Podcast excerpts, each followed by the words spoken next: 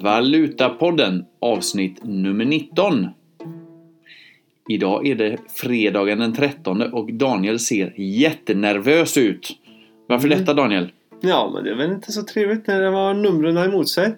Ska jag berätta att eh, den... Eh, nu vet jag inte vilken fredag den 13 det var, men det var någon av eh, fredagarna den 13 1907 som aktiemarknaden kollapsade borta i New York. Ja, du Så ser. Där kommer skrocken in på finansmarknaden i alla fall. Eh, idag så presenteras podden av Svensk Makrostrategi som håller på med valutaanalys och valutatrading. Och jag heter Johan Wahlström och med mig har jag Ja, som vanligt då Daniel Svärd. och idag har vi också den stora äran att ha med oss vår eminenta kollega Helena Ritvall. Välkommen Helena! Tack ska ni ha. Trevligt att vara här på Va? Denna sidan av väggen för en gångs skull. Ja, vad kul! vad, vad vill du prata om idag Helena? Nu är vi jättenyfikna här. Ja, mitt hjärta brukar ju alltid klappa för guldet. Som Mm. vi vet så varför inte fortsätta på den biten när vi hade så fina grejer ifrån marknaden förra veckan. Får väl gå in på det lite bättre sen. Ja, jättekul! Daniel då? Vad, vad vill du prata om? Ja, jag ska göra ett litet uh, djupdyk här i Storbritannien och prata lite pund. Fast mest fokus på, på ja, den politiska utvecklingen där i Storbritannien. Ja. Så det, det blir nog intressant. Och sen så ska jag följa upp lite grann på det. Vi lovar ju eh, lite grann sist att vi skulle prata mer om kommande Fed-chef. Så, Mm. så det tänkte jag också göra en liten, eh, liten utläggning kring. Och Johan då, vad, vad, vad tänker du? Vilka är dina jaktmarker så att säga? Ja, nu har ju börsen gått så pass bra att jag måste ju få möjligheten att prata av mig ytterligare en gång som den repiga gamla skiva jag är. Så det blir fokus på, på, på börsen från eh, min sida här. Låt mig gissa, vi ska upp 1000% till. Vi får väl se. Ja, ja härligt.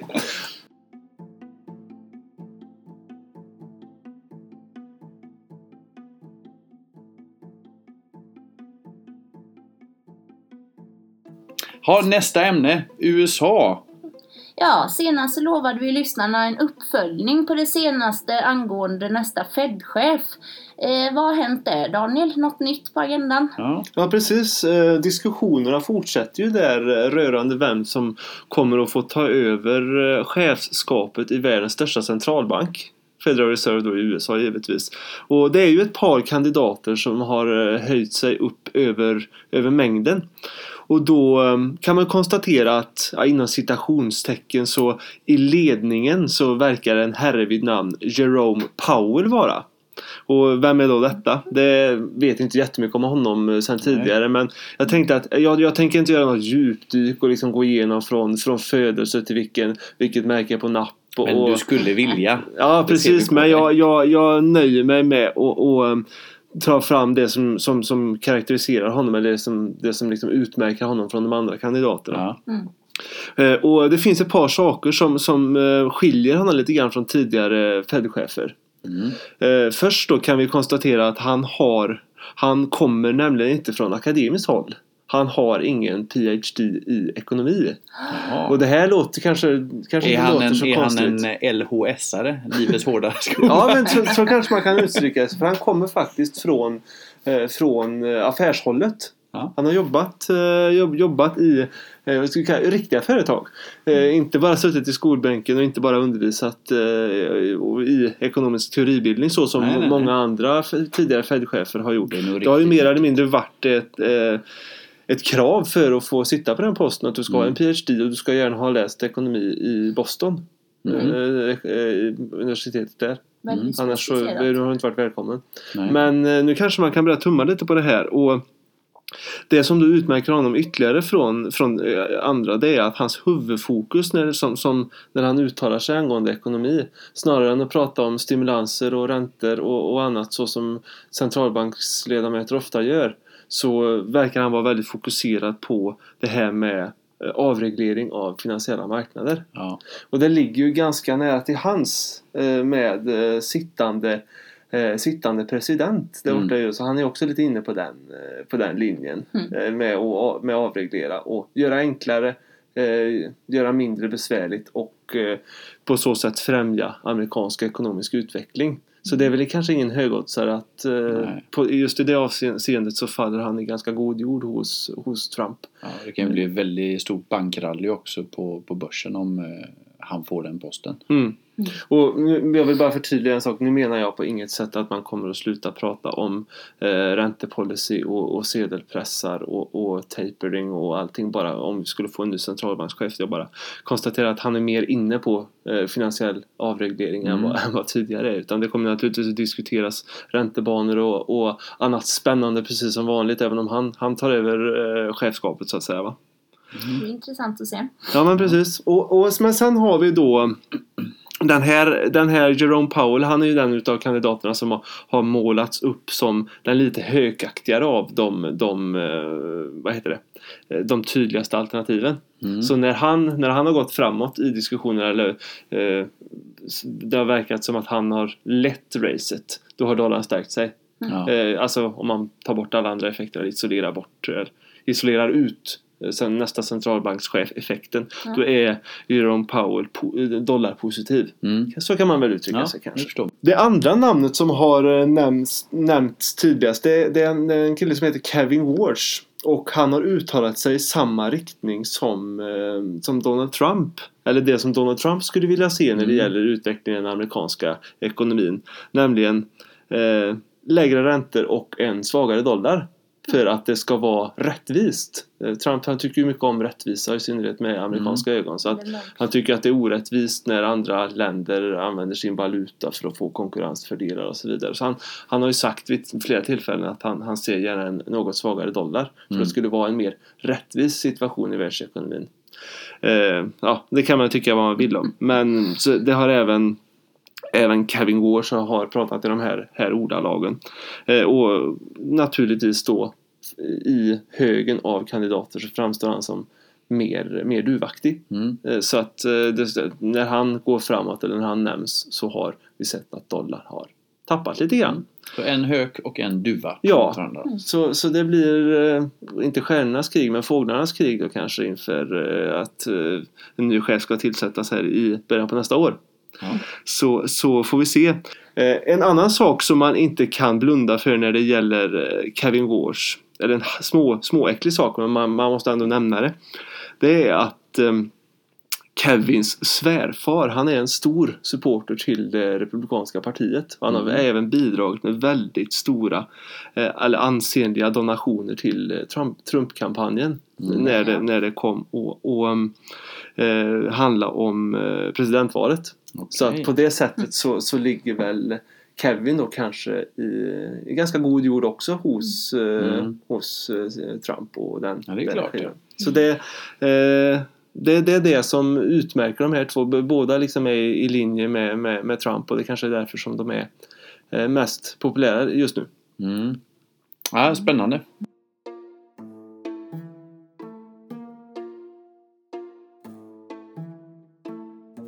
Ja, från det ena till det andra. Det har ju kommit en drös med lyssnarfrågor också.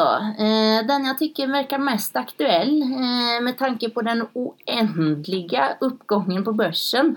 Eh, så är det en fråga som jag tror vi riktar till vår börsfanatiker Johan. Jaså? Eh, Grattis förresten till din första målkurs på tyska DAX. Tack. Eh, vi undrar, var är tårtan? Eh, den är inte inköpt än, men Dåligt, dåligt. jag får väl springa och köpa den här i eftermiddag då. Ja, Mm. jag. Eh, Varför går börsen aldrig ner eh, nu?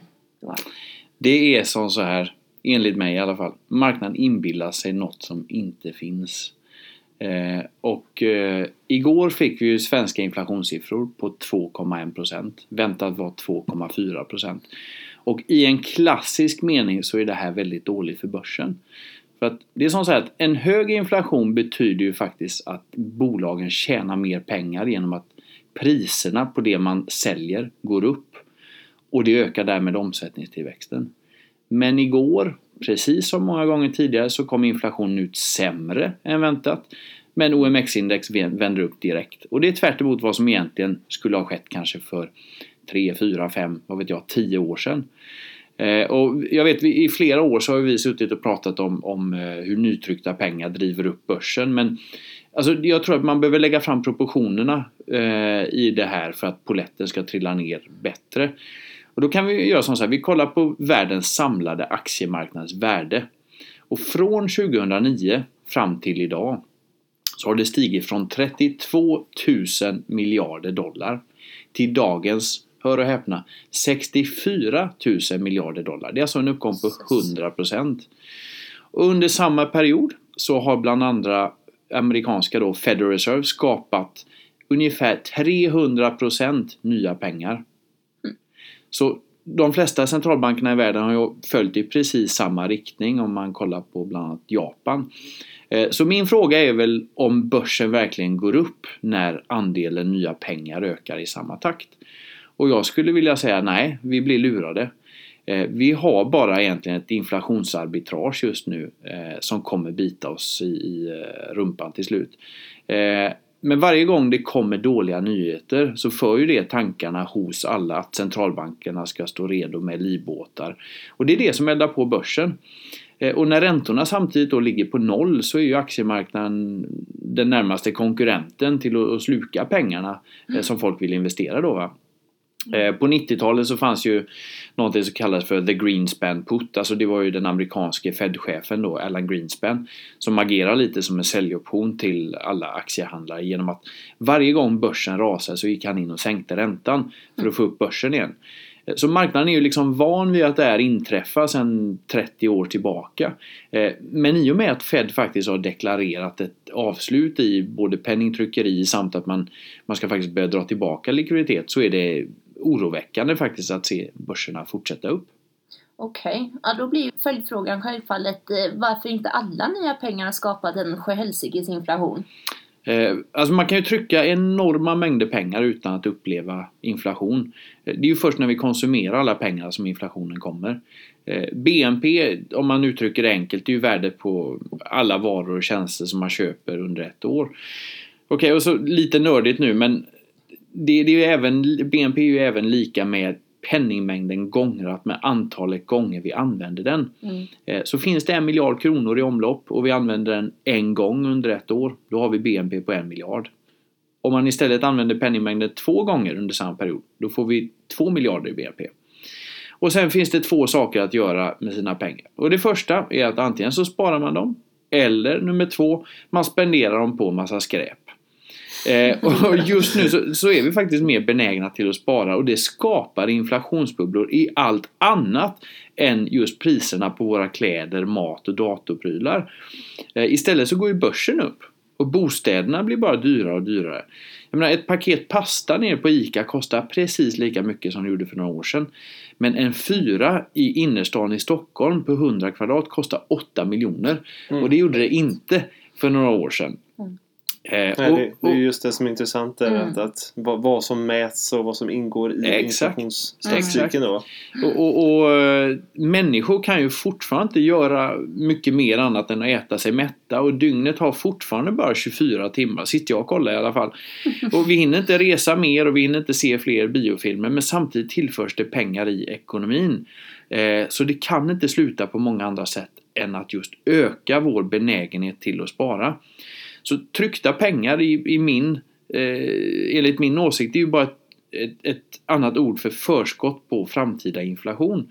Men, men för att besvara din fråga då Elena, det, det är ju att inflationen kommer ju först när vi, vi eh, börjar spendera alla nya pengar. Okej. Okay. Ja, det är oerhört intressant, eh, särskilt med tanke på att eh, även vissa tillgångar som brukar gå dåligt när börsen går bra eh, har visat sig bryta trenden och faktiskt stärkas i nuläget. Eh, och då tänker jag på bland annat guld, silver, ja, den japanska yenen. Eh, lite intressant med tanke på hur enormt starka börserna är med ständigt nya all time high nivåer eh, och så vidare. Mm -hmm. eh, men du prickade ju börsuppgången i Tyskland eh, för ett par avsnitt sedan. Eh, men du sa även att det borde komma en nedgång innan mm, vi fortsätter precis. upp. Ja. Eh, är det i samband med rapportperioden som kommer nu du tänker på? Ja, alltså för just nu så ser jag ett par orosmoment, eller det gör jag ju alltid när jag sitter och pratar om aktiemarknaden. ja. men, men det första är ju som jag pratade om i förra avsnittet, det är ju inköpschefsindex. Det är ju på fantastiskt löjligt höga nivåer. Och så här löjligt spidade eh, som de är nu så, så, så, så, så är vi oftast veckor från en topp. I alla fall om man kollar i verkstadssektorn och det är ju den som håller skenet uppe på börsen just nu. Eh, nummer två, börsen är enormt överköpt om man ser till den relativa styrkan. Eh, om man ska förklara det på, på ett enkelt sätt. Alltså man kan tänka sig en gammal moraklocka som har en sån här pendel i sig. Mm. Eh, och så försöker man utläsa när den här pendeln ska svinga tillbaka. Och nu har liksom pendeln slagit sönder trät i moraklockan på ena sidan och så knackar den snart sönder urtavlan. Eh, och, faktiskt så sent som idag så har de svenska bankerna fått börja ge vika för att eh, Deutsche Bank har varit ute och varnat för svenska banksektorn och tror att det kommer bli en, en eh, slakt. Så det är ju ett stort varningstecken. Men sist och värst skulle jag vilja säga, det är inflationen. Och inflationen, jag ska inte ljuga, det är någonting som är aptråkigt att kolla på. Men det är buslätt att räkna fram. Mm. Vad du gör är, du går in och tittar på ett axplock av varor som finns i den här inflationskorgen. Och så matar du in det i datorn och voilà! Så har du räknat ut på förhand vad siffran ska bli.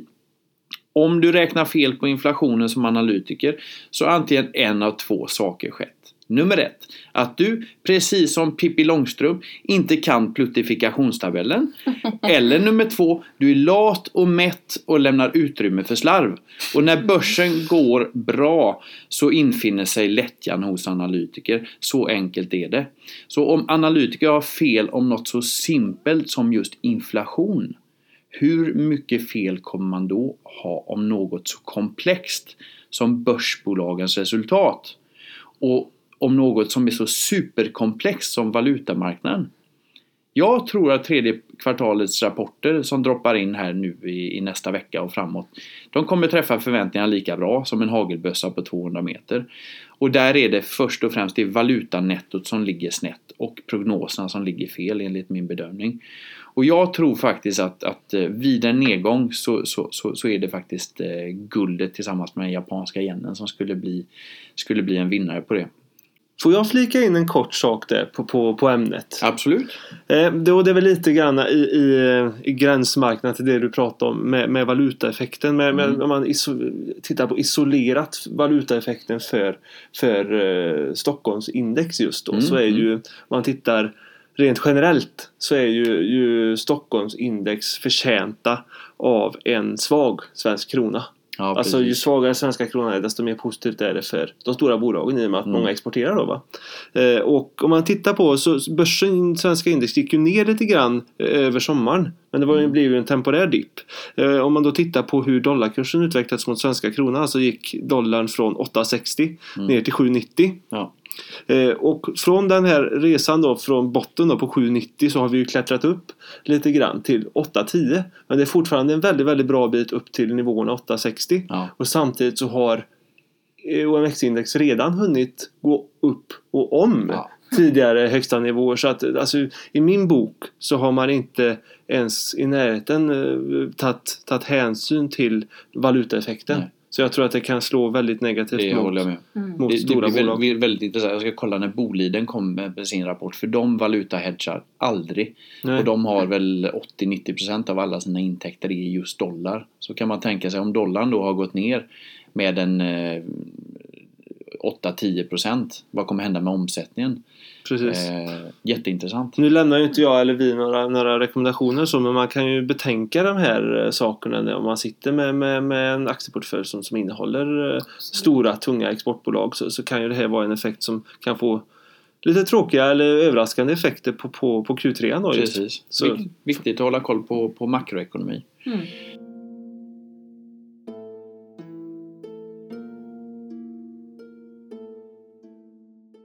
Men på tal om, om makroekonomi då och dåliga nyheter för börsen då, då tänker ju folk ofta på guld och då vet jag Helena du har ju du är ju en stjärna på guld. Vad, vad har du för eh, vad är dina utsikter nu här Ja. fram igenom med guldet? Varför rör det så mycket på sig? Ja, jag hade ju några punkter där. Jag funderar. Dels så hade vi ju förra veckan eh, Fed och eh, NFP-siffran.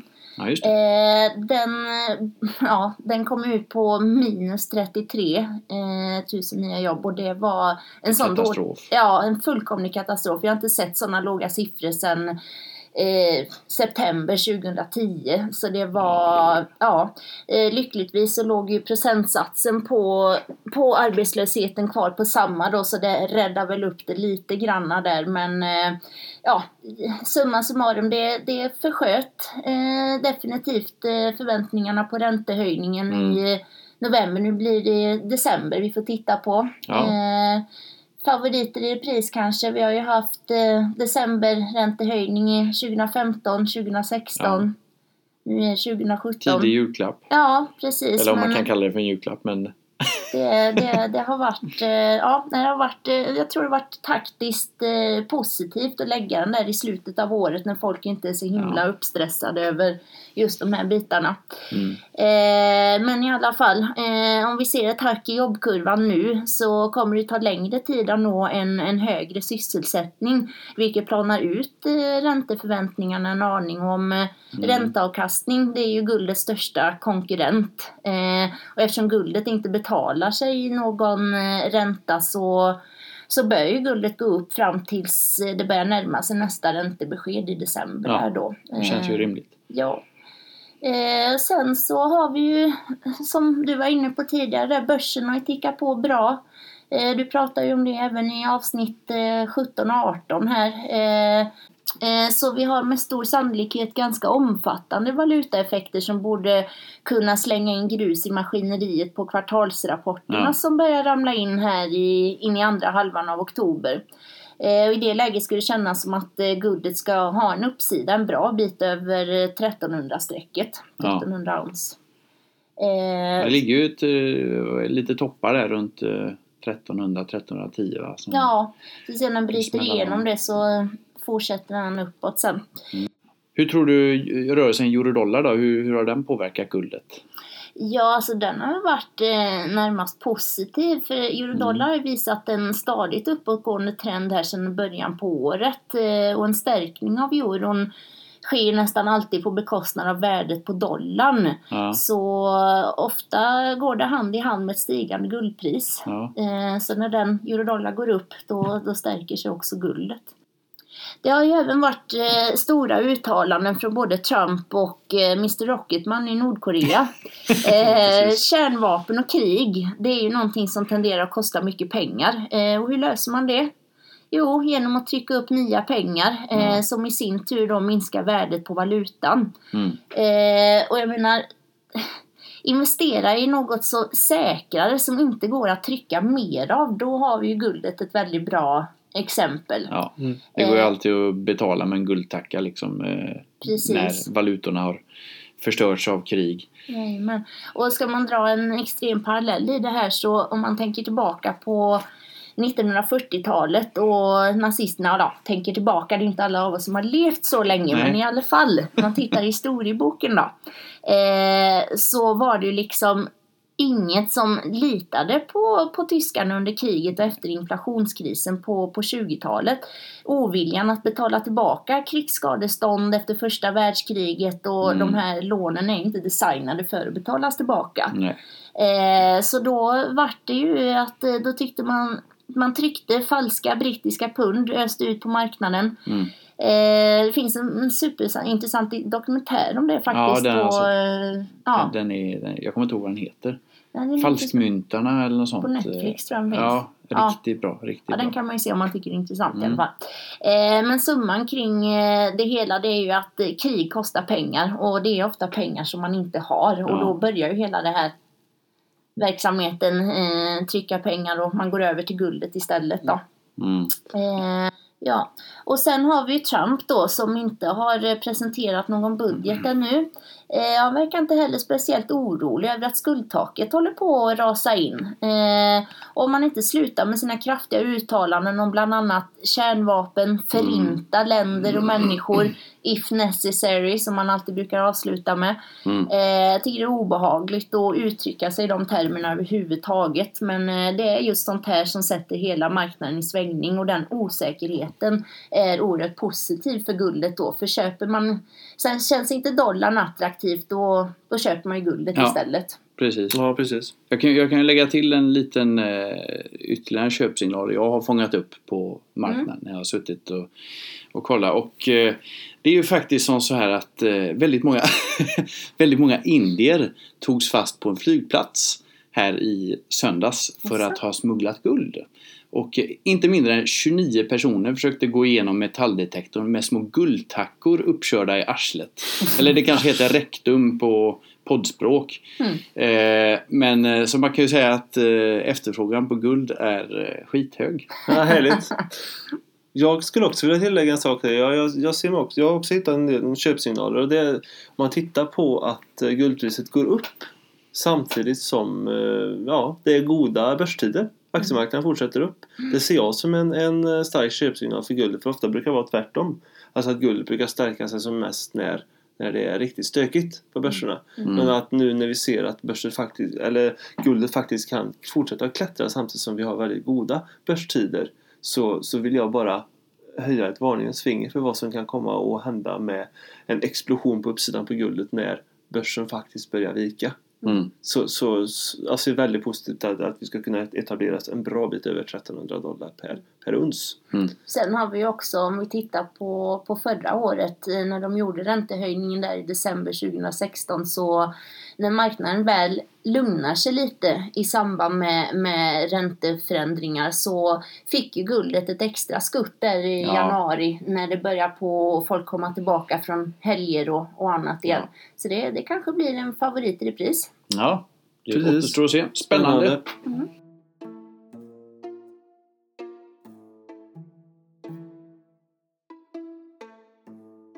Tack så mycket Lena, det var väldigt intressant att få höra din syn på guldet här i podden. Det tyckte jag med. Får glad att man kan få bidra med någonting.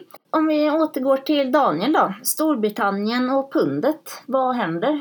Ja, det händer eh, mycket händer det kan vi säga.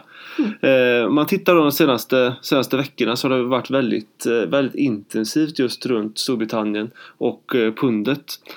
Och det är, mm, jag ser det lite som utropstecken, utropstecknet på, på valutamarknaden de senaste ja, knappt två veckorna kan vi väl kalla det då. Och det är just ökad politisk osäkerhet som, och ytterligare indikationer från den centralbanken i, i Storbritannien som, som ligger till grund för de här kraftiga reaktionerna på, på valutan. Eh, Okej, men om vi börjar med det negativa då? Ja, och då är det ju just eh, den politiska osäkerheten som har tilltagit kraftigt. Eh, framförallt, i, eh, framförallt i samband med nya krav på sittande premiär, premiärminister Theresa Mays avgång. Och tydligast Mm. kritik fick hon ju här för, ja det var väl en dryg vecka sedan, eh, kom faktiskt från de egna leden. Eh, var en av hennes eh, kabinettkollegor som dragit igång nästan på en kampanj med, med syfte att tränga bort henne från, från premiärministerposten. Ja. Och i den vevan där så då såg vi kraftiga nedgångar i, i, i pundet som leddes då av väldigt skarpa nedgångar i, i punddollarn Mm. som, som drev ner pundet på, på bred front. Och sen då så i, eh, i början på den här veckan så har ju även IMF då, eller Valutafonden, kommit med nya till, globala till, tillväxtprognoser. Eh, och där är man inte sen att att, ehm, höja upp eh, allra, st- allra största delar av, eh, av världen. Men som ett, ehm, som ett litet svart får så målas ehm, Storbritannien upp. Och det är ju inte så bra att, att stå på fel sida om eh, tillväxt tillväxtprognoserna så att säga att, att eh, det förväntas gå sämre i Storbritannien än i övriga delar av världen. I synnerhet inte i så här goda tider. Nej. Så det, det blir också ett litet sänke för, för pundet. Mm. Eh, Så det, det, det var inte så positivt och nå, nå, någonting som, som, som drev ner eh, pundkurserna. Mm. Sen har vi ju ytterligare och till slut här när det gäller det negativa. Eh, vi har ju haft eh, flera dagars förhandlingar mellan Storbritannien och EU den här veckan. Mm. En nästa senaste omgången av Brexitförhandlingar och eh, man kommer fram till precis ingenting. Nej. Det händer ingenting, det går inte framåt och som vanligt, vi vet sedan tidigare diskussioner, det är Storbritannien som går förlorande ur Mm. eh, när det står att trampa vatten och eh, företrädare för EU var ute i media igår och sa att Brexitbollen ligger hos britterna. Så det är de som måste Det är de som måste komma upp med någonting för att man ska kunna få Mm. eh, driva det här framåt. Och nästa gång man träffas, det är ju det är inte förrän 14 december. Så Okej. det, de tiden går, men det händer inte så mycket så att eh, man behöver nog eh, komma till skott lite grann i synnerhet för, för brittiskt, eh, brittiskt vidkommande. Mm. Och det är egentligen inte så konstigt för jag menar EU kommer ju ha, EUs regelverk är ju klart. Mm. Det finns ju, det finns idag och det kommer finnas efter att britterna har lämnat. Det är Storbritannien som kommer få stora hål i sitt reg- regelverk när de Mm. faktiskt väljer att lämna EU Mm. och inte omfattas utav alla de reglerna och de systemen och, och ah, skydds, allt, vad, allt vad det är som, som EU ansvarar för. Så Mm. det är ju därför det blir negativt för, för Storbritannien och pundet då. Mm. För att förtydliga lite grann. Okej. Men om vi vänder på myntet av vilka positiva saker kan lyftas fram för pundet? Ja, det finns ju positiva också. Det är därför pundet åker upp och ner som en, som en jävla jojo för att uttrycka sig på ren svenska. Mm. Eh, så fortsatta indikationer från Bank of England och eh, Mark Carney att eh, det kommer, eller det kan komma att bli aktuellt att höja styrräntan i Storbritannien Mm. redan nästa månad, hör och häpna. Jag har ju slagit ifrån mig det här lite grann som eh, att jag inte trott speciellt mycket på det här men eh, man får nog börja ta det på största allvar i och med att det kommer, eh, kommer gång på gång från, från eh, så pass prominenta håll i, Mm. i, i centralbanken i Storbritannien så, så ska man nog inte förvånas jättemycket om det kommer en räntehöjning redan nästa månad. Eh, men men han är noga med att understryka, understryka då att det här beror ju inte på att ekonomin eller för att ekonomin är överhettad. Utan det är för att man vill få bukt med en, eh, med en inflation som är, som är Mm. alldeles för hög. Så att alltså anledningen att man sänker, sänker räntan det är man, man kan se det lite som att alltså, isolerat så ska ju en räntehöjning få en positiv effekt för pundet. Och det får det också kortsiktigt när, när eh, Carney går ut och pratar om Mm. att man, att en höjning är nära förestående. Mm. Men i det här fallet så, så görs det ju det här för, för att Alltså det är av fel skäl som man höjer räntan. Det är för att eh, ekonomin eller tillväxten går så fantastiskt bra. Utan det är för att man har en kombination mellan för hög inflation och en, eh, som IMF då var inne på, en lite för dålig tillväxt. Mm. Så jag ser inte den här räntehöjningen, om det nu blir så nästa månad, Mm. som början på en serie räntehöjningar. Nej. Utan det blir en det blir en höjning isolerat och så försöker man på det sättet då och ösa lite vatten på, på inflationsutvecklingen och sen så får det vara, vara i fred. Det är liksom, jag ser inte att man ska kunna göra som Fed har gjort, att man kommer att börja höja räntan tre, fyra gånger på ett år. Känns inte riktigt rimligt va? I nuläget. Och de, de behöver ju bara komma ifrån det att, att vara funding currency, alltså att alla lånar billigt i pundet för att det, det är gratis att låna. Och så att marknaden ska välja en annan valuta att låna istället, om det är schweizerfranc eller om det är yen. Mm. Eh, Ja, det, det gör ju att det, det, det kan bli en uppsida i pundet på det. Mm, ja, och det, och det är det vi har sett Och rädda också. inflationen då som du sa. Och det är ju det vi har sett då att när det kommer så här uttal, uttalanden från, från Bank of England så, så stärker sig pundet. Mm. Om än kortsiktigt på det här.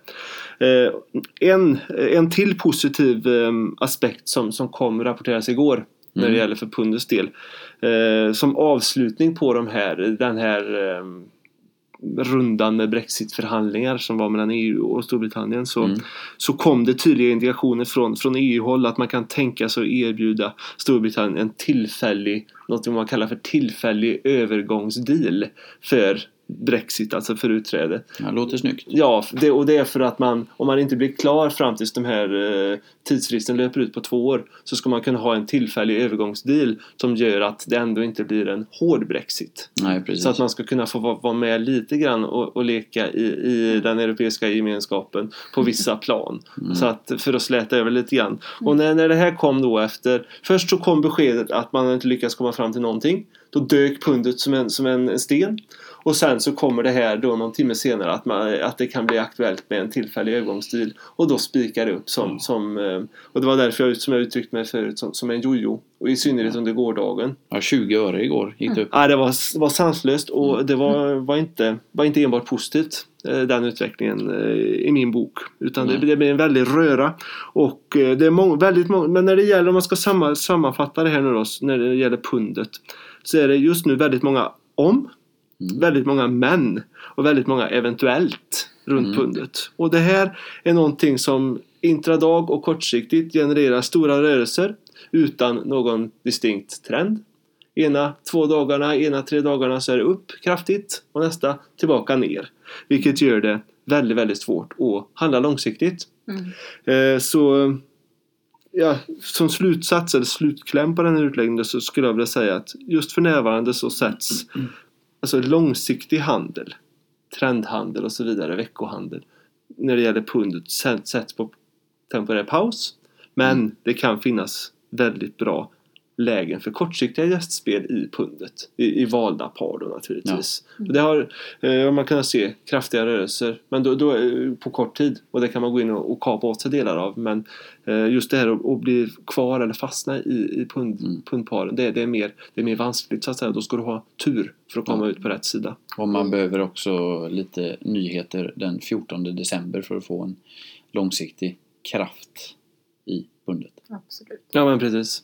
Och det, det är det vi får, det vi får invänta. Och innan dess så kommer det väl bli ben upp och ben ner. Så. Jag vill uppmuntra alla som lyssnar att följa Valutapodden på Twitter. För där lägger vi ut en hel del eh, spännande eh, marknadshändelser och eh, även exempel på, på grafer. Hur, hur eh, vissa trading case ser ut och hur man kan tänka när det gäller, gäller valutor. Mm. Så följ gärna, gå in och följ, följ oss där så, så, så får ni, får ni de, eh, våra posts på Twitter som ett brev på posten så att säga. Mm. Ja. Eller som en tweet på Twitter. Ja, precis. en fågel som kvittrar. Ja. Bra, det här får väl eh, sammanfatta veckan, eh, veckans poddavsnitt och eh, allt vi har sagt i podden här det är självfallet inga rekommendationer, det vill säga vi rekommenderar ingen att köpa eller sälja aktier, ingen att köpa eller sälja valutor och vi rekommenderar absolut ingen att gå igenom den indiska tullen med en guldtacka uppkörd i änd ändlyktan. Eh, och eh, som Daniel sa där, Twitter, vi finns även på Facebook, Valutapodden och eh, man kan mejla oss info at valutapodden.se om ni har något man vill ta upp. Och eh, ja, vi får väl tacka för oss. Tycker jag. Och som avslutning så vill jag tacka, speciellt tacka Helena som gör sitt första gästspel här i podden. Och vi hoppas naturligtvis att eh, du vill komma tillbaka och, och prata om mer intressanta saker. Ja, det återstår att se nästa vecka det. Ja, precis. Fortsättning följer. Om vi sköter oss. Ja. Ja, Härligt. vad bra. Ja, tackar för att jag fick komma hit idag. Kul att du ville vara med. Tack så mycket och ha en trevlig helg allihopa.